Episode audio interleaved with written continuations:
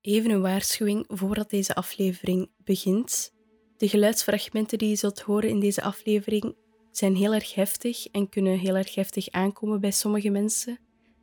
Moest je hier niet tegen kunnen, pas op. Geniet van deze aflevering.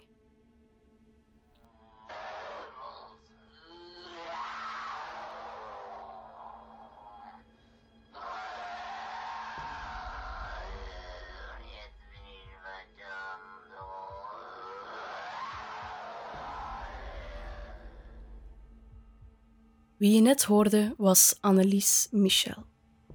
Het meisje dat zogezegd overgenomen is door wel zes demonen en de inspiratie voor de al te maar bekende film The Exorcism of Emily Rose. Annelies werd geboren op 19 september 1952 in Leipfling, Duitsland en groeide op in Klinalberg, in een zeer katholiek huishouden. Haar ouders waren meer religieus dan andere families. Ze forceerde haar en haar zussen twee keer in de week de mis te volgen. En vooral haar moeder pushte haar om te bidden en zoveel mogelijk van haar vrije tijd te spenderen aan haar religie. Annelies ontwikkelde een neurose die te maken had met religieuze beelden, door straffen die ze kreeg als kind. Voor de mensen die niet weten wat een neurose is, dit is de definitie. Neurose betekent letterlijk het hebben van zwakke zenuwen. Neurotische mensen kunnen last hebben van negatieve stemmingen, kunnen lijden aan gevoelens van schuld, onzekerheid, jaloezie en angst en maken zich eerder zorgen dan anderen.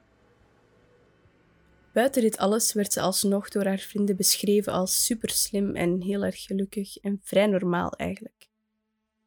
Maar de opvoedingsmanieren van haar ouders waarbij ze extreem veel aandacht geven aan de problemen en levens van hun kinderen, in combinatie met de strenge religieuze regels, zullen een aantal jaren later een negatieve wending geven. Plots op een dag in 1968 krijgt Annelies op school een blackout. Volgens haar klasgenoten zat Annelies in een soort trance zelf herinnert Annelies zich niks meer van de blackout en zegt dat ze oké is. Maar die nacht had ze het gevoel dat er een aanwezigheid heel hard op haar lichaam neerdrukte. En ze plaste vervolgens in haar bed.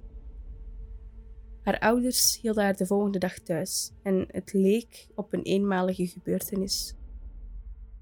Alles verliep goed tot 1 augustus. Minder dan een jaar later kreeg Annelies een soortgelijke aanval. Ze werd naar het lokale ziekenhuis gebracht, waar de dokter haar verwees naar een neuroloog, dokter Siegfried Lutti. Na een onderzoek en heel wat testen vond Lutti niks mis met haar of haar brein. Alles was gewoon goed en normaal.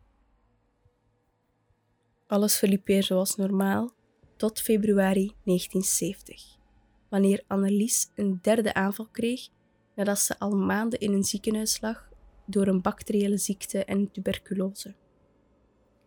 Volgens haar was deze blackout anders dan de andere. Nu zag ze kleuren en hoorde ze vreemde geluiden. Ook ervaarde ze euforie terwijl ze speelde met haar rozenkranskralen. Na haar blackout plaste ze weer al in haar bed. En toen de andere patiënten dit hoorden, werd ze recht in haar gezicht uitgelachen en buitengesloten van alle groepsactiviteiten.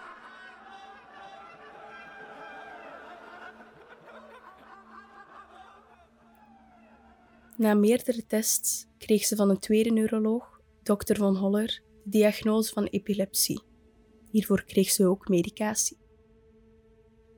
Maar het is vanaf dat moment de analysesziekte erger werd. Uiteindelijk keerde Annelies terug naar school, wat later in 1970. Maar ze was nu depressief en ze zonderde zich af van al haar vrienden. Haar aanvallen kwamen steeds vaker voor. En haar doktersbezoeken haalden niets uit. De dokters vonden niet waar haar aanvallen vandaan zouden kunnen komen. Annelies' familie werd meer en meer gefrustreerd met heel de situatie. Tijdens dat Annelies afstudeerde, dook ze diep in het onderzoeken van katholicisme. In 1973 startte ze aan de Universiteit van Würzburg om leerkracht te worden. Tijdens deze periode bleef ze haar medicatie nemen, maar haar staat bleef verslechteren aan een heel snel tempo. Midden dat jaar begon Annelies hallucinaties te krijgen tijdens het bidden en zei ze dat ze gedoemd was. Ze werd geobsedeerd met het idee dat de duivel in haar zat. Nu begon ze naast dokters ook een priester te bezoeken. Naar het einde van 1973 werd Annelies haar gedrag en symptomen tot een nieuw niveau gebracht. Haar ouders hielden haar weg van school en beperkten haar tot haar slaapkamer. Rond deze tijd begon Annelies ook geklop in haar kamer te horen. En haar zussen hoorden dit geklop ook. Niet alleen dit, maar ze hoorde regelmatig ook een stem die haar naar de hel verdoemde. Ook al bleef ze haar medicatie elke dag nemen, verergerde haar situatie. Ze begon als een dier te grommen. Ze zag demonen en ze kreeg de kracht die onmenselijk was. Zo gooide ze bijvoorbeeld haar zus rond het huis als een soort pop. Niet alleen dit, maar ze begon ook haar eigen urine van de grond af te likken. Ze at kool, trok haar kleren af en at insecten die ze rond het huis vond. Haar familie zocht lokale priesters om een uitdrijving uit te voeren op Annelies. Maar de priesters weigerden en vertelden de familie om de traditionele methode en medicatie verder te zetten. Mede omdat de katholieke uitdrijving niet simpel is. Je moest ervoor toestemming hebben van een bisschop. Maar dan ergens in september van het jaar 1973 ontmoette de familie vader Ernst Alt, een lokale priester. Toen hij Annelies ontmoette, merkte hij meteen op dat ze niet epileptisch was en meende dat ze ook geen last zou hebben van hartinfarcten. Volgens hem was ze bezeten door demonen. Hij zocht de lokale bisschop op om toestemming te vragen om een uitdrijving uit te voeren. Hij kreeg die toestemming, maar enkel en alleen als de uitdrijving in het geheim zou uitgevoerd worden. Haar eerste uitdrijving vond plaats op 24 september 1975.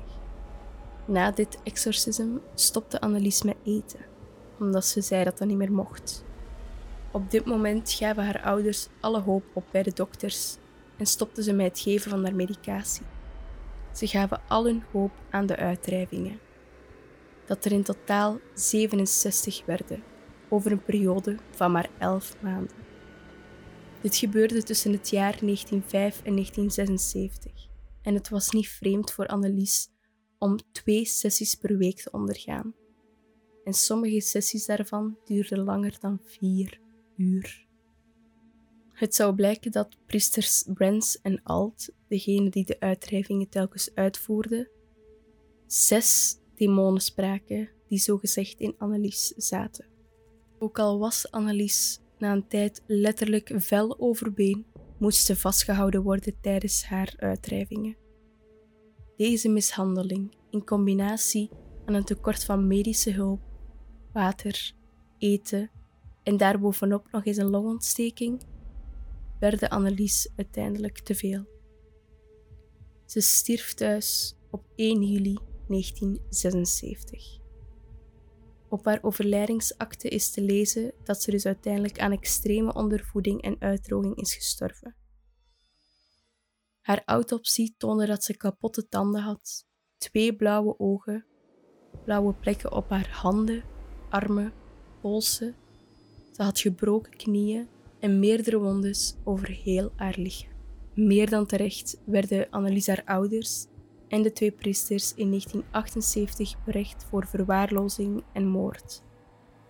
De priesters probeerden het misbruik nog op de demonen te schuiven, maar daar geloofden de drie rechters die beslisten over de zaak niks van, aangezien het bewijs ervan niet klopte. Toch waren hun straffen niet van dezelfde ernst.